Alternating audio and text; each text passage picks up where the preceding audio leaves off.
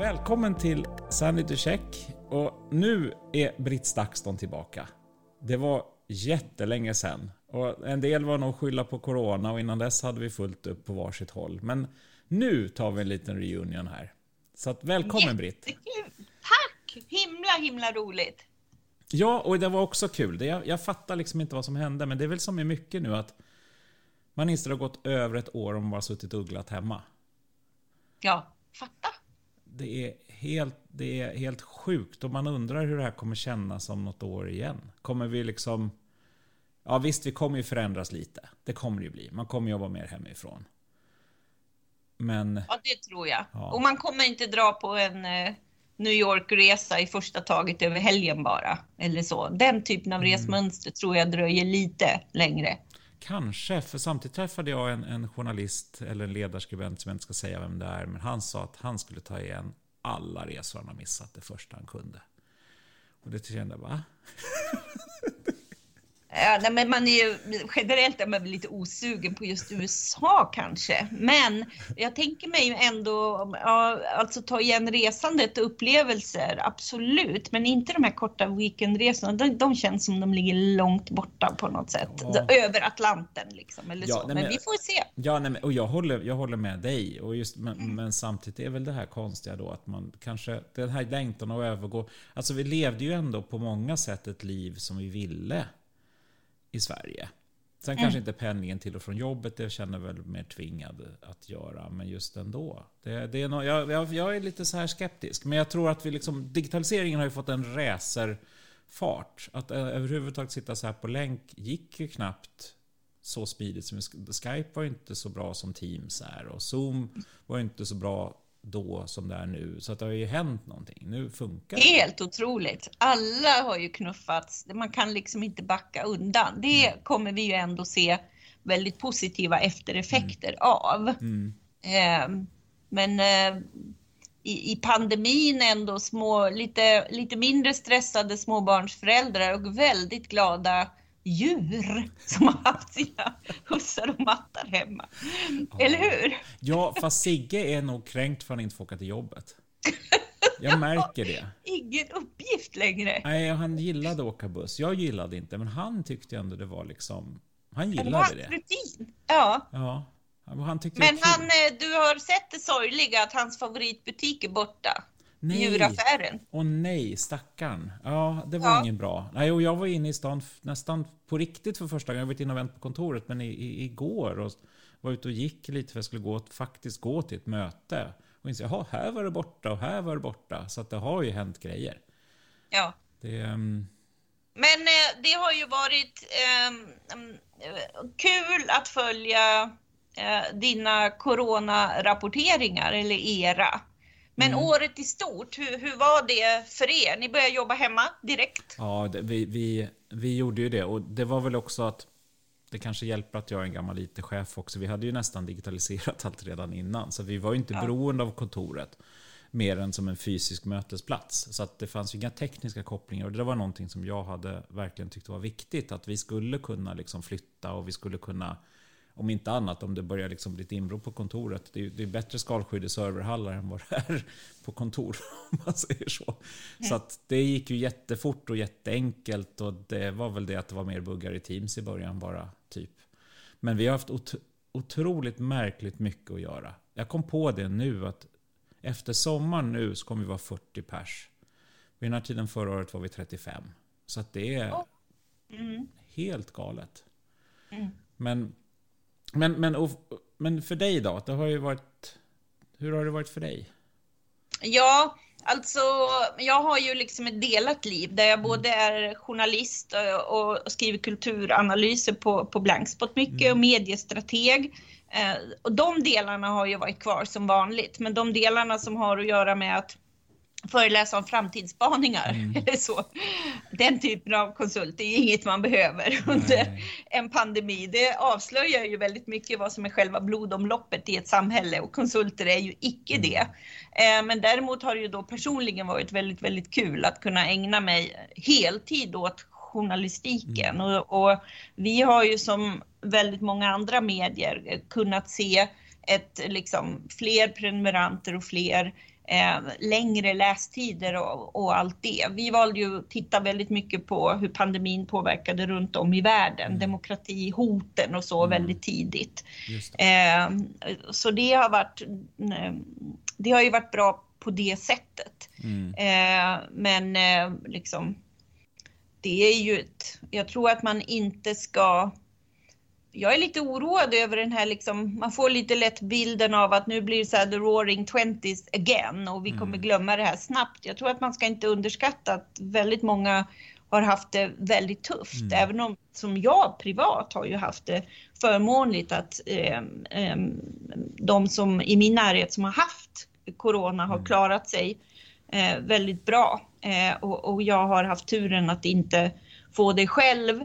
Eh, men eh, det här att under ett drygt år väldigt många också har liksom så här hukat, inte har kunnat mm. göra det man gör vanligtvis, träffa vänner, eh, gå på gymmet eller att så många i ens näromgivning har fått hela sin tillvaro upp och nervänd ändå. Liksom. Mm. Titta på hela kultursektorn till exempel och så. Alltså många böjer med sig ganska traumatiska upplevelser mm. och jag tror att det kan användas till en det finns fortfarande ett utrymme för att förändra saker som vi såg innan inte fungerade. Eh, med den här både att vi har en nationell gemensam erfarenhet men också globalt att vi alla har gått igenom det. Mm. I mina positiva ögonblick så tror jag att det där är någonting vi verkligen kan använda och jag hoppas att vi inte bara vaccinerar oss och springer in i ett roaring twenties utan att vi använder det här på något sätt. Hur, hur tänker du? Ja, nej men, ja, nej men jag, jag, jag tror att du har rätt. Eh, och, och, och apropå de här positiva ögonblicken så, så, så tror jag också det. Och, och, och rent så här mellanmänskligt märker jag ju också ten, tendenser med att man blir lite mer lättirriterad. Även om man själv inte drabbats så har det påverkat den. Jag kom på det, du och jag pratade om en lågintensivt undantagstillstånd. Nu har vi haft en lågintensiv pandemi och ett jordens undergång på något sätt som ändå inte ja. har varit det. Och det där blir jättekonstigt för oss. Och det, det, det märks ju att man, är inte, man har ju liksom det saknas en något, även om det inte har varit en riktig katastrof så har det varit en väldigt stark påverkan och under väldigt lång period. Och, och, och vi har ju vant oss vid att hålla avstånd. Vi har ju vant oss vid att tvätta händer. Det har ju blivit vår nya liksom, vardag.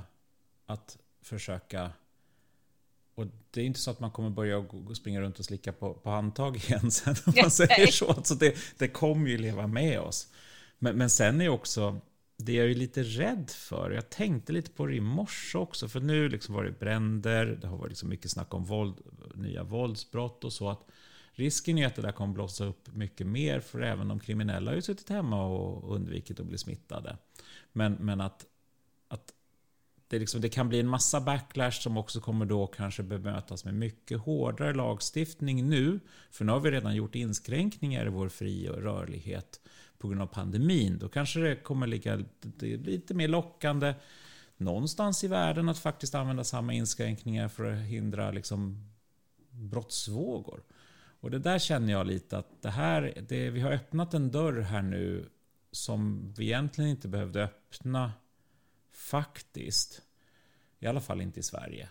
Men som nu kommer göra att det är mycket lättare att glänta på vid varenda lite nationellt upplevda kris. Verkligen. Och det där, bara det att reflektera över det faktum, de är historiskt, liksom att ha tagit bort hela vår mötese och rörelsefrihet, mm. det är ju inte att leka med alltså.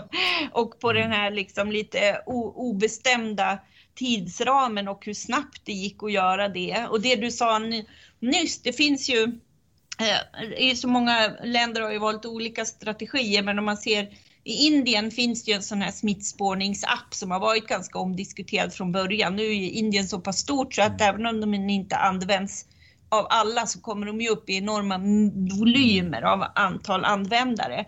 Men apropå att ha öppnat en dörr till att ha en smittspårningsapp och sen har den varit hela tiden ifrågasatt i form av hur delar de datan och till vilka och så. Och nyligen kom det ett domslut att det var en aktivist som hade dömts för ett eh, någon aktivism no, i något skede och eh, släpps då eh, på ett villkor att han laddar ner den här appen. Ja, och det är ju då helt tydligt att det blir som en slags ny elektronisk fotboja i det fallet. Mm. Alltså, när du sa det där så kom jag att tänka på det, för det är ju precis det. Alltså att vi har öppnat en dörr till något och nu så använder vi det på fler sätt. Mm. I det fallet i Indien då. Mm. Ja, ja, men exakt, och, och, och, det finns nog, det kommer säkert dyka upp många fler sådana exempel. Och, och om man tittar på de svenska restriktionerna så stämmer ju de egentligen inte med smittans utbredning heller. Tiderna stämmer liksom inte. Utan, utan Ja, ja, i och med att vi har följt det här varje vecka ända sedan mars 2020 så ser jag människors beteende, vi ser hur många som är sjuka, vi ser ju vi kan inte säga att det absolut är corona, men vi kan gå och utgå från symptom som är sannolikt corona och det är nog faktiskt minst lika bra som de kliniska testerna på grund av att det finns så mycket osäkerhet och fel i de kliniska testerna faktiskt.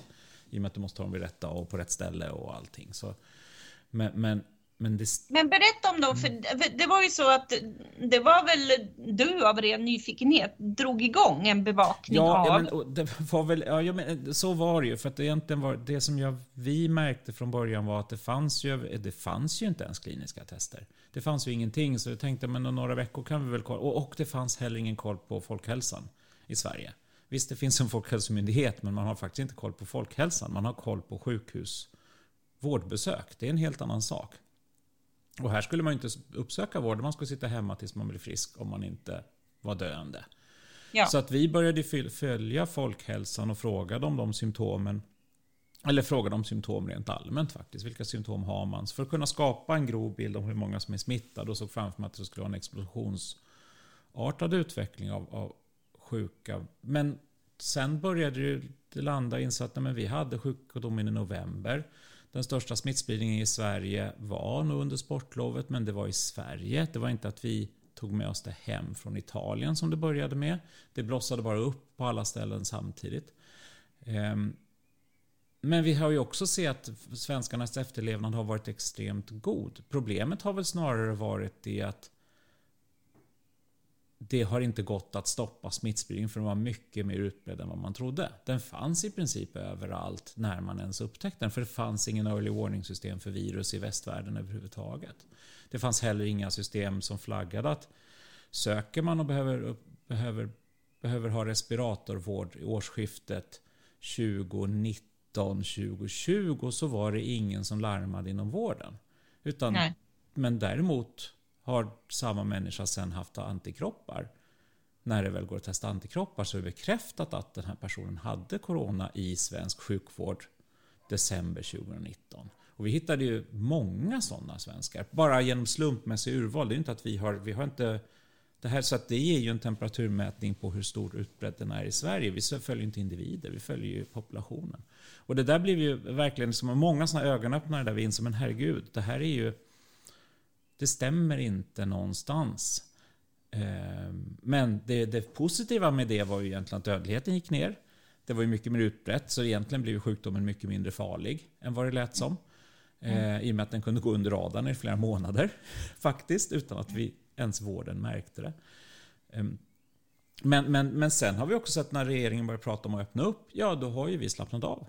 Då har vi börjat träffas. Så har vi, alltså när, när, det var efter sommaren, för att då, då blåste man ju faran över.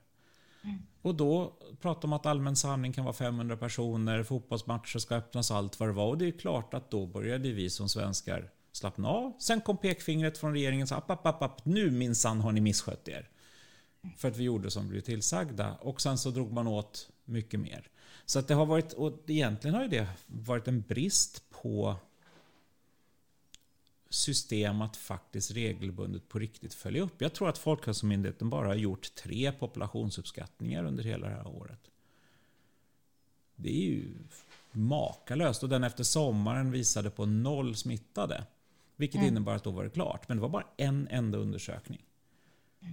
Och, och då, så att man, man börjar inse det, liksom, att det här är ju det är väldigt osäker data som har funnits där ute och det har varit väldigt lite egentligen intresse av att följa verkligheten också.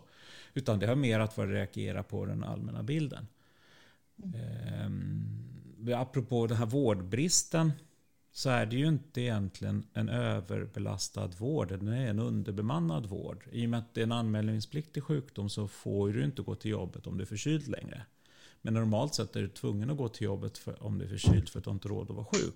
Så att jag skulle inte bli förvånad om sjukfrånvaron är, är, lika, alltså är lika liten inom vården normalt som den är på andra arbetsplatser trots att man, jobbet går ut på att hantera sjuka människor. Då borde sjukfrånvaron vara större rent automatiskt. Men du räknar med att du ska gå till jobbet även om du är lite småkrasslig. Och det får du inte längre. Så att egentligen har det här öppnat upp en massa andra, andra saker i samhället som vi egentligen borde ta vid nu. Men jag är rädd att det inte kommer vara så himla viktigt sen. För nu har vi snart ett valår och då är det helt andra grejer. Mm. Men eh, innan vi går vidare där, i de när ni ständigt gjorde de här undersökningarna, då såg du, jag har för mig när jag följt dig i digitala kanaler och så, att du såg tidigt det här eh, långtidssjuka mm. perspektiven ja, också. Ja men exakt, för det var väl en slump vi såg det. För då sa man att man, kunde bli, man skulle bli frisk på fyra veckor tror jag. Och vi såg att andelen som var sjuka länge ökade och ökade och ökade. Och jag tror till och med det var så att Försäkringskassan hänvisat till, gav nej till sådana som varit sjuka längre än, än Folkhälsomyndigheten sa. Sex veckor var det kanske förresten. Eh, så att man fick avslag på coronasjukdomen efter sex veckor för att det gick inte.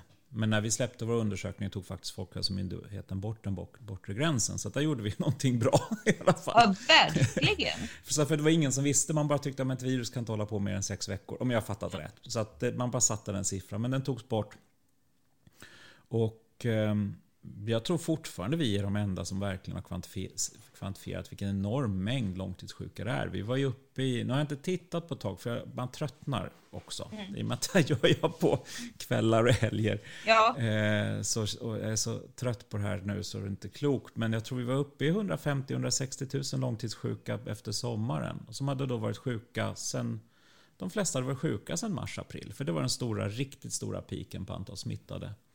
Eh, men även runt årsskiftet tror jag vi fortfarande hade 150-160 000 svenskar. Och då pratar jag inte om äldre eller arbetslösa eller sjukskrivna. Utan jag tittade på de som hade ett jobb och var studenter, och, alltså förvärvsarbetare och studerande för att liksom inte riskera att hamna i någon så här långtidssjukskrivningsträsk ja. eller pensionsfråga. Eh, så, så det här var inte... Ja, vad hamnar det på procentuellt då? Runt 10 procent eller vad är det? Det är en Nej, siffra som jag har sett i många länder. Ja, av, av smittade ja. Ja, precis. Ja. Så att, och, vilket också stämde rätt väl. För att då, då, vi såg då antalen som hade symptom. Ska vi se, om man tittar då i början på sommaren, då hade vi... Då, då, då, då kom vi, om vi räknar antal som har uppgavt coronaliknande symptom och trodde de hade corona, då var det ungefär en miljon svenskar. Och vid samma veva hittade vi ungefär 100 000 svenskar som, som hade varit sjuka i över, vad var det jag sa, 6-7 veckor. Jag hittade även på de där tiderna bara för att vi inte orkade, eller 10 mm. veckor tror jag. Så att det var, vi råkade nog definiera långtidssjuka, både hur länge och hur många det var under en period. Sen har jag hört att det har reviderats lite faktiskt. De har satt lite andra nivåer på, på, på längden. Men då fanns det liksom inga siffror. Så vi bara tyckte, ja men tio veckor, och sen började det bli absurt. Det är liksom en, två, tre, tio, jättelänge. det var så det blev. Ja. men, men det har också... Men apropå eftereffekter, så det där kommer väl verkligen vara, om vi pratar om sådana nivåer, mm. bland de som har varit smittade, då, då är ju det ett, ett Mm. Det är ju ett stort samhällsproblem, mm. hur den rehabiliteringen, hur de eftereffekterna ser ut. Mm. Ja men absolut, och jag tror att det har gått, för jag blev ju också corona, det startades ju en långtidscoronaförening. Eh, och det tror jag också var lite när de insåg att det var inte bara, nu viftar jag med cita, citationstecken i luften här, 4000 pers på Facebook som hade varit sjuka så pass länge, utan det kanske var över 100 000 eller nästan 200 000. Så det startades en covidförening då som har också jobbat ganska bra. De lyckades ju få 50 miljoner av, av, av staten i covidforskning vid årsskiftet.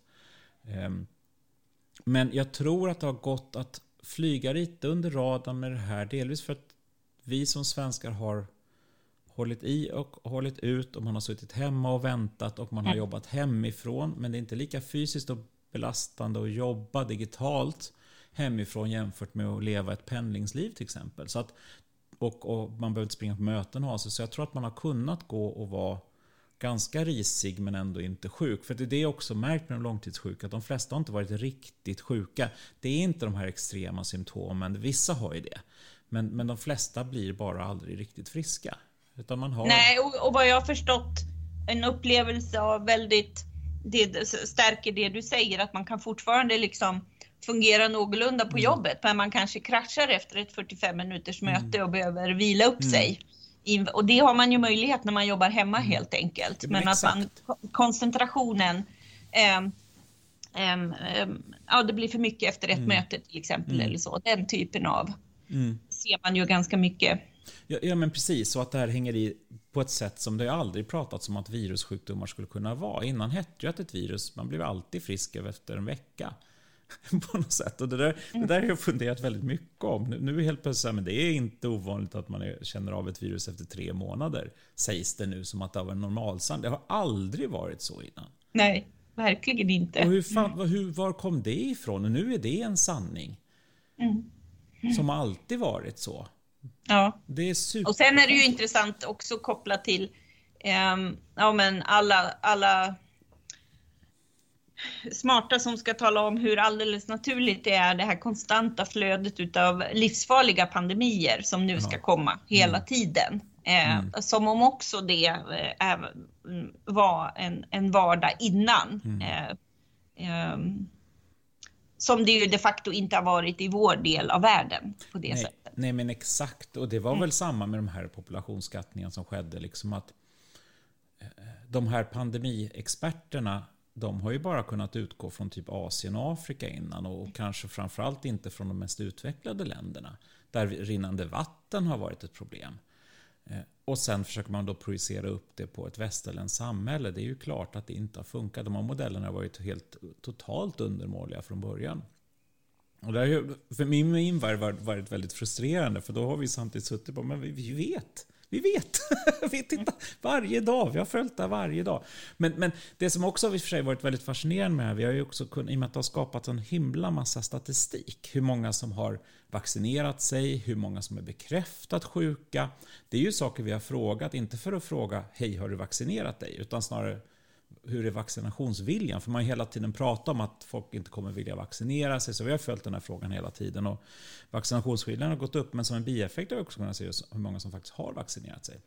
Eller hur många som faktiskt har bekräftat coronavirus och hur många som har varit permitterade. Alla de här grejerna har stämt inom en och en halv procentenhet ungefär. Det var helt magiskt hur bra det funkar. Så det där är ju någonting som, som jag inte trodde vi skulle göra. Men helt plötsligt har vi gjort en enormt fantastisk metodutvärdering som inser att ah, det vi gör, ja, jag visste ju att det funkade men nu kan jag faktiskt bevisa att det funkar och inte behöva vänta på nästa val. Med allt, valen är nästan svårare. För där, där är det ju hela syftet att påverka din åsikt ända fram till ja. valurnan. Det finns ju en mm. hel bransch vars jobb är att få dig att ändra dig. Och sen får vi skit för att folk har ändrat sig. Så men kring sådana här saker, då, är, då finns det ingen statistik innan. Vi har frågor, jag kan gå tillbaka och kolla, mappa upp det utemot historiskt. Alltså när väl den historiska statistiken publiceras, som oftast tar längre tid än vad det tar för oss att få fram datat. Men när väl det har skett, då kanske, ja men hur hade vi det i mars? Ja men titta, wow. Mm, jättespännande ju, verkligen. Ja, ja men det, det, det har varit väldigt, det är bra, men sen måste jag väl lite jobba med att få ut den här förklaringen ännu mer. För det där tror jag återigen att vi började började göra det där för jag tänkte ja, ja, vi får bidra vad vi kan. För det var faktiskt så att jag insåg att det fanns ingen kunskap alls. Vi körde här några veckor tills det offentliga har fått fatt på sina ja. grejer. Men så här, 60 veckor senare så fortsätter vi fortfarande. Ja, men det, det kommer ju det komma en stor belöning från det, liksom, vid sidan av eh, ert och ditt nördiga specialintresse kring mm. det och eh, hur du har fått ut det i era coronarapporteringar. Mm. Men att lägga det här pusslet sen. Mm Eh, i diskussionen om opinionsundersökningarnas varande eller inte varande kommer ju vara ett jättestarkt case. Ja, ab absolut. Och, och, så länge man inte tror att vi hittar på. För det är ju alltid det där, jag fick något mejl idag igen. Hur kan, ni, vi vet, hur kan jag veta att inte ni fuskar? Så ja, du är tvungen att lita på oss. Det spelar ingen roll hur mycket transparenta vi är. Vi, alltså skulle vi vara hypertransparenta, då kan jag ju lova att vi skulle, liksom, den som säger det det är ju ingen som vet att man inte ändå suttit och fyllt i varenda siffra för hand. Alltså mm. det går inte. Det, oss, vi går aldrig att kolla oss till 100%. Eh. Ja, men i det här fallet siffror ni hade mars förra året, de är mm. ju publicerade redan. Ja, men allt är inte publicerat. Eh, för jag tänkte ja. inte på, som permitteringar så kom jag på, vänta, visst ja, titta nu kommer det statistik på det, vänta vad hade jag då? Så räkna ja. utifrån, ah, okej okay, men här har vi frågat vad, vad, gör du just nu? Och då var en av delsvarsalternativen jag är permitterad. Och så fick jag liksom, och sen så får jag räkna upp den då till en populationsuppskattning. Så oj, titta det stämde. Så att det där är, det, det har varit, så att vi kommer ju aldrig kunna 100% bevisa till den riktiga skeptikern, utan man är fortfarande tvungen att lita på oss. det där är väl liksom rundgången, eller undersökningarnas dilemma, att man måste alltid ändå lita på avsändaren. Det är lite som i journalistiken också, att utan förtroendet så går det att ifrågasätta allt. Det är ju mm. gäller forskningen också såklart, även om du är transparent och har det, så, så det, det du kommer aldrig kunna övertyga den som har bestämt sig för att det här är, är lögn. Mm. typ. Kommer du addera några frågor om eh, eh, krånglet med vaccinprocessen här också, jag, eller?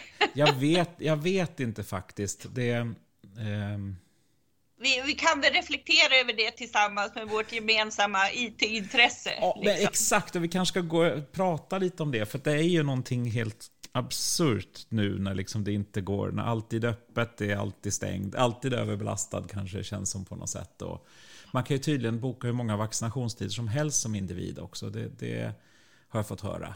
Eh, så att, Ja, alltså det är ju det grundläggande problemet först för att eh, jag har ju vaccinerat mig. Mm. Eh, och när man då har eh, vaccinerat sig så är det ju intressant att gå tillbaka till appen och mm. att den fortfarande eh, talar om att jag i den här åldersgruppen ska gå och vaccinera mig.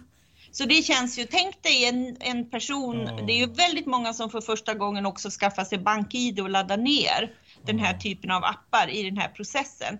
Alltså, man, man, blir ju helt rådvill i det läget. Man känner ju bara, men vem har den här uppgiften? Om ni ja. kommunicerar till mig som om jag ännu inte har vaccinerat mig och jag kan boka vaccinering igen. Ja.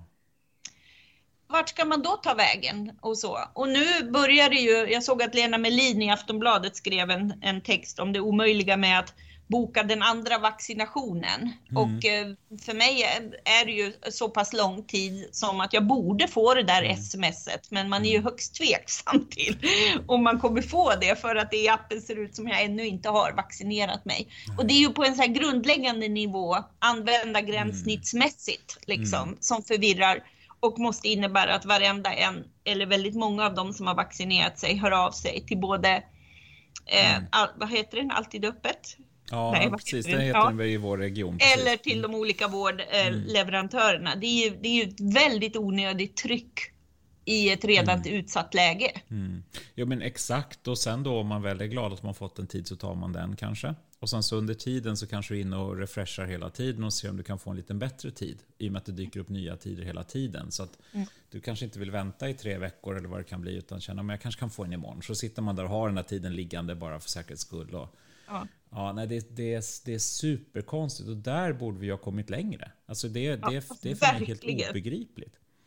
Det, mm, och, och, liksom, och, och, om inte annat bara liksom det här med att man inte kan bygga en app som är dimensionerad för det här lilla landet som det här ändå är. Vi är inte så många människor. Det, mm, det är liksom, ja men Alltså det, det, om man tittar på belastningsmässigt, Google och Facebook, det är, liksom, det är inte ens en, ett hack i kurvan i deras belastningar. Nej. Medan liksom svenska vårdsystemet klarar inte av det. Och det är ju, det är ju, helt, det är ju också helt obegripligt. Det, ja. men det är faktiskt helt obegripligt. Mm. Men, men sen också en sak som jag tänkte, det var i höstas, för jag gjorde illa tån och kände att det här måste jag kolla på. Jag måste söka vård. Liksom.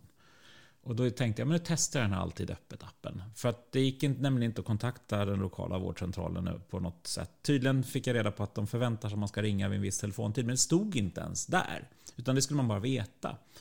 Men, men så då tänkte jag, men gick in på Alltid Öppet och klickade i mig fram och tillbaka till höger och vänster. Och sen slutade det bara eh, med att jag skulle då få en, en, en vårdbesökstid, men då, det här var i september. Under det, och då stod det att det fanns inga lediga vårdtider ända fram till februari 2021. Överhuvudtaget. Ja.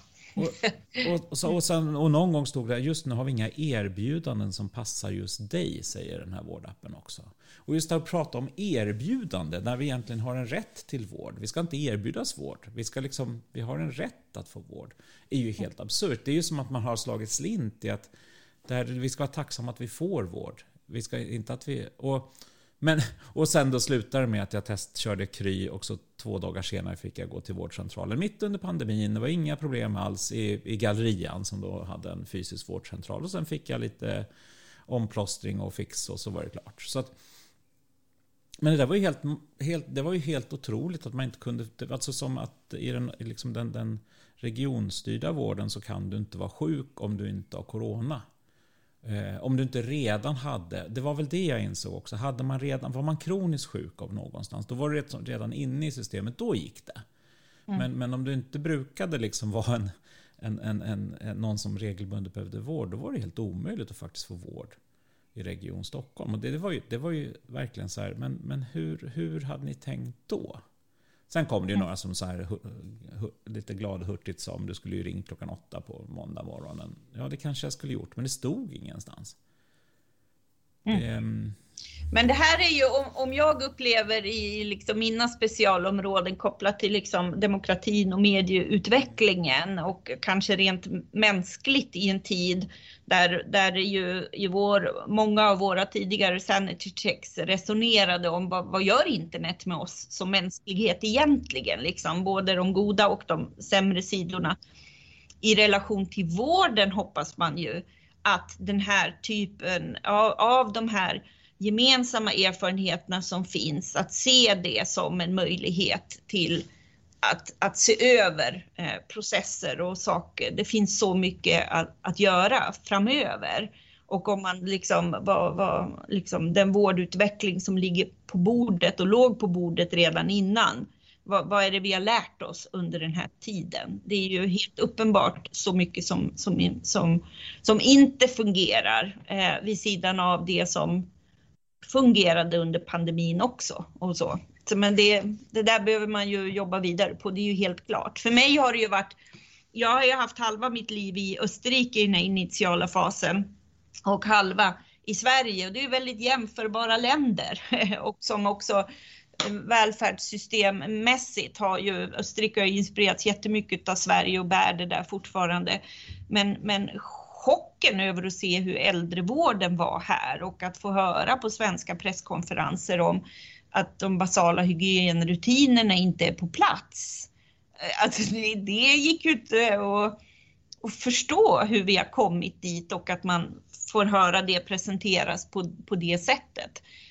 Um, och, och, så har du en helt annan verklighet i, i Eh, i, i Österrike kring, kring de här frågorna. Eh, trots att det är liksom en vårdapparat som eh, också kompletteras utav ehm, ehm, från länderna i närområdet, att man har eh, de som, vården kompletteras av att man har personer som bor hos sig dygnet runt under eh, riktigt kritiska skeden som ett komplement till den äldreomsorg som finns. Det är ju liksom en del i vårdsystemet som absolut inte är optimal.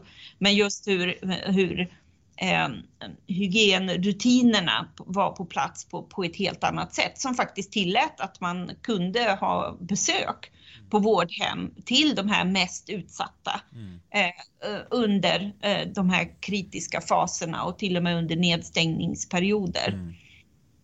Ja, men, och, och, det, och det är just det här som jag tänker på hur det här kommer att slå slint nu efteråt tyvärr. Om man tar liksom det här med att alltid öppet-apparna och liknande inte fungerar. Det kommer man ju hävda att det, liksom, det är de privata nätläkarnas pengar. Där de har tagit de här pengarna. Så att det är därför det inte har blivit bra. Eh, men, men samtidigt som i min värld så tror jag snarare det är tack vare att de här privata alternativen har funnits så har folk faktiskt kunnat söka vård trots att den liksom coronavården har gått på knäna analogt och digitalt så har det ändå funnits en möjlighet att faktiskt kunna få lite vård. Men, men, men men det där kommer ju skruvas jättekonstigt nu under valet tror jag till att bli liksom snarare att det är därför det är fel. Eh, och pengarna har gått till skatteparadis och allt vad man nu kommer säga. Men och det, det, kommer ju vara samma sak med att man inte kan uppfylla de basala kraven på, på hygien. kommer ju vara ungefär samma sak. Ja men det är de här förbaskade privata eh, äldrevårdsbolagen som minsann. Mm. Men där man faktiskt i båda fallen ignorerar att det här handlar om att det offentliga med öppna ögon har handlat in den absolut billigaste leverantören.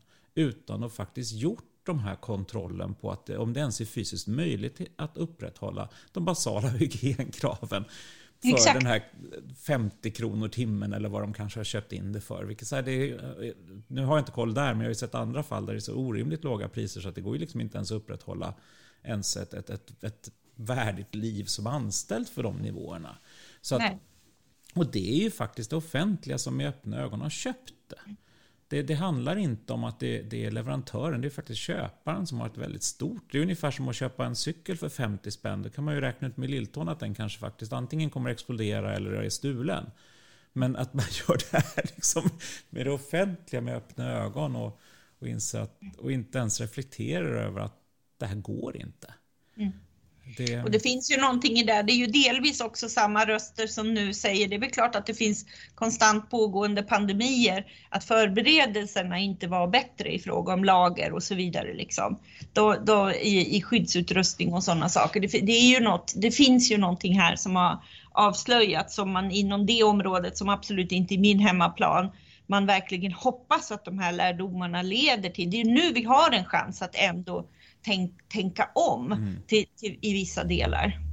Exakt, men jag är rädd att du kommer inte belönas som det som politisk aktör. Du kommer inte belönas för att göra det. det och, men om man tar sig ur det personliga planet, det finns ju lag, äger du en bil så måste du ha en trafikförsäkring. Det är ju lag på att du måste ha en försäkring. Men i det offentliga rummet finns det ingen lag för att vi ska ha liksom en, en, en pandemiförsäkring som, som, som land. Eller en, en, det är ju samma diskussioner kring försvaret, men det drog man ju ner på år ut och år in för man sa att det kommer aldrig mer bli krig. Och sen kom man på, vänta nu, vad hände i Ukraina? Oj, aj, det kanske kan bli det någon gång. Ja, och så får man helt plötsligt börja om från början. Det är, ju, det är ju någonting med det här att försäkringen har setts som en onödig utgift. Ehm, men som privatperson så måste du enligt lag ändå ha det. Även om sannolikheten, jag väl liksom ja, om man tittar på hur många år man har kört bil och hur få gånger man har behövt försäkringen så, här, så hade det väl varit billigare att inte ha försäkringen om man säger så. Men mm. enligt lag måste man ju ha det. Men det är någonting där. Det är någonting där. Men det handlar väl också om att du faktiskt som offentlig aktör inte kommer bevakas på det. Kvittorna kommer vara viktiga för hur en politiker har hanterat vad det nu är, vilken lunch som har ätits när och med vem och allt. Men, men att samhällssystemet faktiskt kanske inte är där för att stötta medborgarna. Det är ju egentligen det vi betalar skatt för. På något sätt. Men det är något, jag känner, det är liksom, jag, jag kommer snart att skriva en text om vissa av de här grejerna. Jag ska se när jag får ihop den. För det, det finns ett fel bak och upp och nervänt tänk kring det här. Där, där, där liksom medborgarna snarare ser till att vara till för staten än att staten faktiskt är till för medborgarna. Det är någonting i det här. Så man försöker rationalisera bort behovet. Det är också som jag märkt att det verkar som att man tycker att det är för dyrt att göra folk friska. Det är inte för dyrt med sjuka människor. Det, och det tycker jag har blottlagts under den här pandemin också. Att man, man tänker helt bakvänt. Um, och, och kanske Men då är jag, jag är en optimistisk, eh, jag tror ändå och hoppas att eh, det, det borde ju leda till omtänk i, i fler eh, sammanhang. Liksom. Det finns ju verkligen en chans också och, och, på något sätt så tror jag, man ska ju inte underskatta kraften i att du har också en hel befolkning som faktiskt kan ha lite nya perspektiv på bara folkhälsan i stort liksom. I relation till, till insikten om vad din övervikt betyder om du skulle hamna i en, eh, på intensivvårdsavdelning. Bara en, liksom, alltså sambanden, den långsiktiga folkhälsan på något sätt. Liksom. Jag tänker på Boris Johnson som direkt satte igång hälsoprogram efter att han själv hade hamnat på intensivvårdsavdelning. Nu kommer liksom det där är ju lite så här populistiska utspel eller desperata utifrån privata erfarenheter som inte alls känns eh, bra. Men eh, liksom, eh, jag, jag, tänker i stort eh, så, så finns det ju möjligheter till förändring här. Mm. Ja, det finns en öppning för jättemycket positiva krafter. Det finns det. Mm. Eh, men samtidigt så är jag lite pessimistisk, eller realistisk tror jag nästan jag skulle kalla det, kring liksom det politiska systemets reaktion på ja. det här och medias reaktion på det här. För att de mm. kommer ju fortsätta så som man har gjort och gå på de belöningssystemen som alltid har funnits. Mm. Eh, och, och, och, det är egentligen det vi måste vända på. Och det borde finnas aktörer som skulle flytta fram det här. Det betyder inte att vi behöver ha nya politiker, men kanske att politiker påminns om vad som egentligen är, hur rollfördelningen faktiskt ska se ut. Och att mm. du ska belönas för det du faktiskt gör, inte vad, vad, den, vad den politiska motståndaren har gjort fel. på något sätt. Um, men, men det kan ju vara så, och det är väl en öppning här också, att just frågan kring demokrati har aktualiserats. Frågan kring vår frihet har aktualiserats. Och det kanske kommer bli fler som engagerar sig i de här frågorna som gör att du faktiskt som ansvar blir tvungen att börja adressera det. Det är väl, mm. det är väl där som kan vara uppsidan och kanske den liksom chansen till att få det till en positiv kraft. Mm. Um, Alltså med den här globala blicken som jag har haft på liksom, pandemins påverkan på, på demokratin och i, liksom, i en lust att få eh, eh, eh oss i Sverige att reflektera över det här så eh, finns det ju dock många mörka stunder där man känner ursäkta att jag säger det, men fan om inte ens en pandemi kan få oss att liksom glömma det här svartvita tjafset på Twitter och låta det dominera i traditionella medier. Allt det här som vi har pratat om så många gånger långt före pandemin. Det gör en ju mörkrädd och pessimistisk inför och vad det kommer bli för slags valrörelse. Då, där blir man så att man vill slita sitt hår, men i jösse namn har vi inte kommit längre. Eh, och, så. och för mig var det otroligt starkt i den här perioden där Sverige fortfarande inte hade riktigt insett vad som skulle hända så tog jag ju det sista flyget ut från Österrike på sex månader då. Det, eh eh, eh, eh, precis när liksom flygplatsen hade stängts ner och så kliver jag av i ett, eh, på Arlanda där folk fortfarande står och kramar varandra. Och när jag går in i Twitterflödet så har vi någon beef mellan de förväntade aktörerna. Det är fortfarande Hanif Bali och det förväntade eh, diskuterandet som pågår liksom. Och, och så, då hade ju Löfven den första presskonferensen där det skulle delas ut miljoner till eh, MSB för information. Och så hade jag ju då lämnat ett land som redan hade liksom eh, hunnit eh, med stora annonser på varenda omslag i varenda dagspress och hade liksom haft budskapet om det som också blev budskapet till Sverige om att skydda de äldre och så vidare. Men i det här Twitterflödet just då så kände jag, hur kan man vara så helt opåverkad av det som har hänt? Ja, det syntes en liten desperat Wolodarski, för han hade ju gjort samma resa som jag, fast i ett annat land och hade sett det innan liksom. Men, och det där är det ju för många gånger under året som man ändå har sett samma, att det är fast i, en, i ett ankdammstänkande. Som när man läser de här finns ju så mycket fantastiska rapporter om hur pandemin påverkar. Ehm, ja, OECD gör ju det kontinuerligt, påverkan på utbildningen av att alla OECD-länderna i genomsnitt har ju 10 veckors skolundervisning som elever har förlorat, hur det fördjupar klyftan globalt sett som andra aktörer har tittat på mellan rika och fattiga utbildningsmässigt och vad det har för effekter på den globala BNP för så mm. lång tid framöver och innovationskraften som stoppas, utbyten mellan länder och så vidare. Och så är vi fast i det här. Mm. Ja, ja, men absolut, absolut och det, det, det är ju det är ju obegripligt och på något sätt skulle man nästan byta ut de offentliga rösterna till, till några nya människor. Ja. Så vi kunde börja om lite för att det är ju verkligen jag bara tänker på så här kampen mellan SR och DN just nu som jag bara känner, jag, jag, orkar, jag orkar faktiskt inte bry mig längre. Det här var liksom inte... Liksom, ja, det var en journalist som hade en relation, men, ja, men nu är det ju som att det är världskrig. Liksom. Det, det, är, det, var det det, eller är det Jag fattar inte. Alltså, vem slåss mot vad och varför? Liksom, vad är syftet? Mm. Mm. Um, och, och så Expressen som hakar på nu ja. Eh, med den här senaste händelsen om eh, eh, frilansjournalisten eh, som har för produktionsbolaget som gör medierna haft ett uppdrag och som och följer man hennes Twitterflöde såg man ju att hon har ju haft mer kontinuerligt arbete för Expressen, men då ja. blir det så här enkelt med rubriksättningen mm. att det är liksom kopplat till en pågående skandal. Det, ja. det, det där är ju det är ju sorgligt faktiskt. Mm. och Ex Expressen skrev nu att hon jobbar nu också mer för en annan prisbelönt redaktion. Och det var Expressen själv. Nej! Jo, det står så. Det är verkligen så här, men de skriver ju inte att hon jobbar för Expressen utan för en annan prisbelönt redaktion.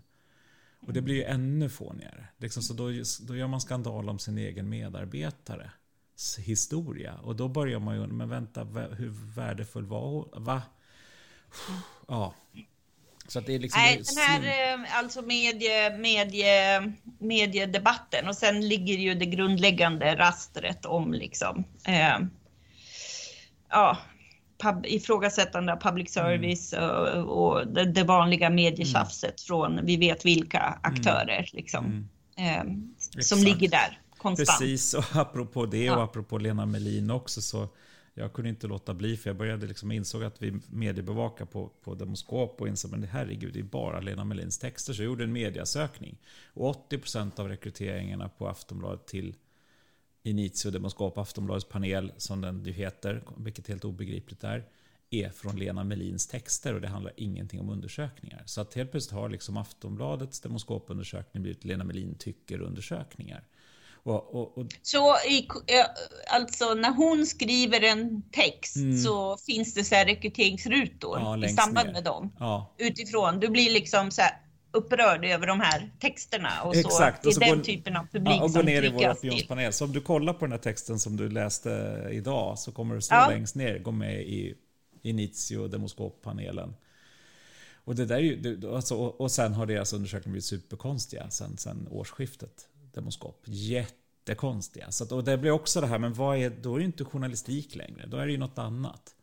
De visar ett annat politiskt landskap. Ja, det, det, är ju helt annorlunda. Det var ju succé för Saboni och det var Centern tog från Vänsterpartiet och Moderaterna var ju Miljöpartiet i Sverige. Socialdemokraterna ägde inte en enda politisk fråga. Det var så här, men det här är ju, det här är ju en helt alternativ verklighet från allt. Och det blev liksom Aftonbladet-verkligheten som man nu kört på ända sedan årsskiftet. Och det är ju, det är ju helt galet. Och, Men alltså de panelerna Alltså du kan vara, kan du eh, göra tio personer på en sån? Kan du vara anonym? Självklart. Du, behöver vara du kan ha liksom dina tio e-postadresser. Ja, om du bara orkar svara så är det inga problem. Men det går nog att digitalisera svaren också om man skulle vilja rätt bra med lite, ett litet AI. Där. Ja, men just det, det finns väl jättemånga mm. politiska aktörer mm. som verkligen orkar. Det är ju mm. deras jobb. Mm. Liksom. Jo, men exakt. Så att, det, men, men, men samtidigt stämmer inte det helt med hur konstigt demoskopundersökningar har blivit. Men till viss del. Tidsmässigt stämmer inte allting. För det har hänt något mer. Men, men just den här där man då gör journalistik utifrån så här tycker svenska folket när man rekryterar via Lena Melin som nu är faktiskt en krönikörs texter. Det här är inte ens nyhetsplats längre har jag insett. Är ju, det är liksom det, och, att man inte begriper eller verkar bry sig rättare sagt. Om, för att då har det varit så att Novus har släppt en undersökning, dagen efter har Demoskop kommit med något helt, Aftonbladet Demoskop med något helt annat. Sen har Sifo kommit några veckor innan som bekräftar Novus. Så att det har varit liksom en alternativ verklighet i Aftonbladet som inte har stämt någon annanstans. Det har inte stämt med Novus, det har inte stämt med Ipsos, det har inte stämt med Sifo. Så här har det pågått sen i fem månader. Eh, och det blir ju så här, ja, vad är då sant? Och mm. vad är då relevant? Och vad är då journalistikens roll? Eller är det journalistik? Eller, ja, är det mm. opinionsbildning Aftonbladet håller på med just nu? För Moderaterna? Vem skulle tro den? det blir super... Ja, jag måste kolla på det där. Det låter, eh, det låter inte bra alls. Nej, alltså jag skrattar, jag skrattar för att mm. det är så jäkla galet. För att det, det är verkligen, det någonting hände vid årsskiftet. Och sen gjorde jag den här mediasökningen och insåg att de rekryterar. Sen säger de att de rekryterar från fyra andra hemsidor. Men det stämmer inte heller. För det är refresha SMHI några gånger så kommer du kunna gå med i panelen där. Men du kan också bara gå in på User Needs och gå med i panelen den vägen. Det är inget svårt. Jag har gått med några gånger bara för att testa. Och, så att det, det är inte så att det här är, det, det är liksom det, det är allt annat än vattentäta skott. Det är allt annat än, än svenskarnas åsikt. Men det driver politiken framför. Det är både Moderaterna och Miljöpartiet skriver debattartiklar baserat på Aftonbladet Verkligheten också. Så att det här håller på liksom. Det, det... Ja, men alltså man... Ja, nej men eh, de här eh, hur, hur eh, man plockar ju bara upp saker för sin egen argumentering och det kan vara det kan vara ett, en, ett en hashtag som plötsligt mm. engagerar många, då blir det plötsligt det viktigaste lagförslaget som ska mm. läggas just nu. Liksom. Den här eh, populismen som syns i de flesta politiska utspel konstant, den, den är ju bekymmersam mm. då. Liksom. Och då blir det ju så här, det är ju sånt här man plockar upp då mm. hela tiden. Precis, och det behöver inte vara sant, det kan vara för jävligt ändå. Nej, exakt, ja. exakt. Poängen är ju bara att man kan, man får något att studsa sin argumentering mm. mot liksom. Mm. Um, det, ja, det här blir man ju ändå lite orolig för inför ja. Eh, valrörelsen. Jo, men så är det. Eh, tack och lov så är det ju bara Aftonbladet som tar upp det här. Eh, så att det har liksom, de andra media har inte hängt på taget de här alternativa verkligheterna. Vilket är tur. Eh, för att samtidigt är det faktiskt nästan ingen som har ett förtroende för Aftonbladet heller. Så att det, det, och det, det, väl, det, kan väl vara liksom just nu smala lyckan. Fast å andra sidan finns ju ett samband också. I och med att förtroendet är lågt, det är därför man gör sånt här. Det, det är ju mm. liksom, man, man värderar ju inte tillförlitligheten. För att hade man gjort det hade man inte heller gjort så här. Så, att, så att det, det, är ju det är orsak och verkan. Men vi kan ju också, jag håller på med en medierapport nu och inse att de media man har högst förtroende för är ju faktiskt de som också har flest läsare och de som också får betalande prenumeranter. Vilket är ju ganska logiskt för att du, du, konsum, du är ju beredd att betala med din tid eller med dina pengar för sånt du litar på. Så att förtroendet Men de börjar väl bli väldigt få. Snart känns det ju som att Dagens Nyheter mm. är det enda. Ja. alltså, eh, extremt mm. dominerande med digitala mm. prenumerationer. Och, ja. eh, och även konsolideringen generellt i mediebranschen. Mm. Den är ju inte okomplicerad. Nej, nej, men så är det. Och DN har ju absolut högst förtroende bland sina läsare. De har jättehögt förtroende. Men, men, men sen i andra ändan, public service har ett extremt högt förtroende bland sina läsare och tittare och lyssnare. Och där ska man komma ihåg att de når 70% av alla svenskarna. DN når ju bara en liten, liten, liten del. Ja. Så att trots den här stora kritiken mot journalistiken i public service så är det till och med så att det är den största nyhetskällan bland SDs väljare. Så att de har ja. ingen alls som ens i närheten och det är fler SD-väljare som har förtroende för, för SVT och Sveriges Radio än som överhuvudtaget konsumerar någon annan nyhetskälla. Mm. Så det, blir så men, lite intressant. Men det förklarar ju också deras idoga bevakning och kritik för att de upplever ju att minsta eh, lättsamma underhållningsprogram sätter agendan för hela svenska befolkningen på ett sätt. Liksom. Det finns ju, det är det här. Ja, just det. Men det har du rätt ja. Men precis. precis. Ja. Det är ju därför liksom, att man, man upplever den här totala eh, styrningen av människor via de kanalerna. Liksom. Och då vill man ju vara med där. För det har ju varit intressant. Vi, vi följer ju precis det som man ser globalt att de här, eh, ja men den här pendelsvängningen till att det är liksom eh, det här försvaret för yttrandefrihet, men egentligen handlar det ju om en yttrandefrihet som, som sätter deras frågor i fokus. Mm. Liksom. Mm. Jo, men, jo, men och det har du helt rätt i och det innebär ju också att, att om det är någon som begriper vilken, vilken makt public service har så är det ju de, de som är mest kritiska. Ja. så att eh, absolut, så är det ju. Men, eh, nej, men det är fascinerande. Men det är som du säger, det är liksom DN, DN har ju faktiskt, de har ju lyckats väldigt mycket väl att faktiskt bygga förtroende hos sina läsare. Svenskan mm. är ju inte alls i närheten eh, där. Sen, ja, ni ser det i mätningarna mm. också. Mm. Ja. Det ser vi. Vi ser ju både storleken ungefär på liksom vilken räckvidd de har, men också nöjdhet, kundnöjdheten om man säger så. Så att, ehm, och där DN är absolut starkast bland sina betalande prenumeranter. Men det kanske också gör att du kan få en lite billigare prenumeration där också, vilket gör att du kan bredda och du kan liksom bygga. Eh, det är jag inte säker på att eh, svenskan har riktigt samma möjlighet för en liten, lite billigare prenumerationsmodell, inser jag nu. kommer jag inte ihåg. Ah, ja, strunt samma. Ja, de kommunicerade inte lika mycket och återkommande i alla fall. Nej. Nej. De gläntar ja. inte på provdörren på samma sätt som DN gör Nej. heller. Eh, det var någonting jag tänkte på. Eh, jo, men det jag ville veta var i relation till eh, att eh, era kunder vänder sig till er och vill mm. förstå mer bortom pandemin. Ser du någon tendens till vad det är man vill veta mer av sin verklighet? Finns det någonting Nej. man kan se där? Eh, nej, alltså jag tror snarare det som ju hände var att du inte kunde få någon annan information längre. Alla de här big data molnen eller källorna var ju baserat på att du visste ungefär hur vi betedde oss. Mm. Men när, när du inte fick längre gå utanför hemmet och du inte fick besöka butiken och alla beteenden förändras, då fanns det ingen historisk kunskap du kunde liksom använda för att tolka nutiden med. Så det tror jag var en väldigt viktig grej och det där kanske också är så att det kommer fortsätta mer för att våra beteenden kommer ju att förändras. Och vi vet ju inte om vi kommer fortsätta med våra beteenden. Därför blev liksom undersökningar rent generellt mycket viktigare för att det var enda sättet att faktiskt begripa vad vi gör. Det går inte att titta på våra rörelsemönster om vi inte rör oss. Nej. Till exempel. Nej. Eh, så att, och det där tror jag, det tror jag också, eller jag hoppas att det kommer kunna fortsätta. För att alla aktörer är ju beroende av kunder och väljare och läsare och, och, begripa vad det är vi faktiskt tycker och tänker. Och vi har ju ändå, om man ska, no, det, det, absolut bästa med pandemin måste jag ändå säga, sagt, säga är vi medborgare. Vi har verkligen betett oss bra. Vi har skött oss, vi har tvättat händerna, vi har hållit oss hemma. Och man ser ju alltid avvikandet, men att 90% ändå faktiskt har skött sig hela tiden, det var ju helt fantastiskt otroligt. Vilken, vilken mellanmänsklig tilltro vi ändå har haft. Ja, Den verkligen.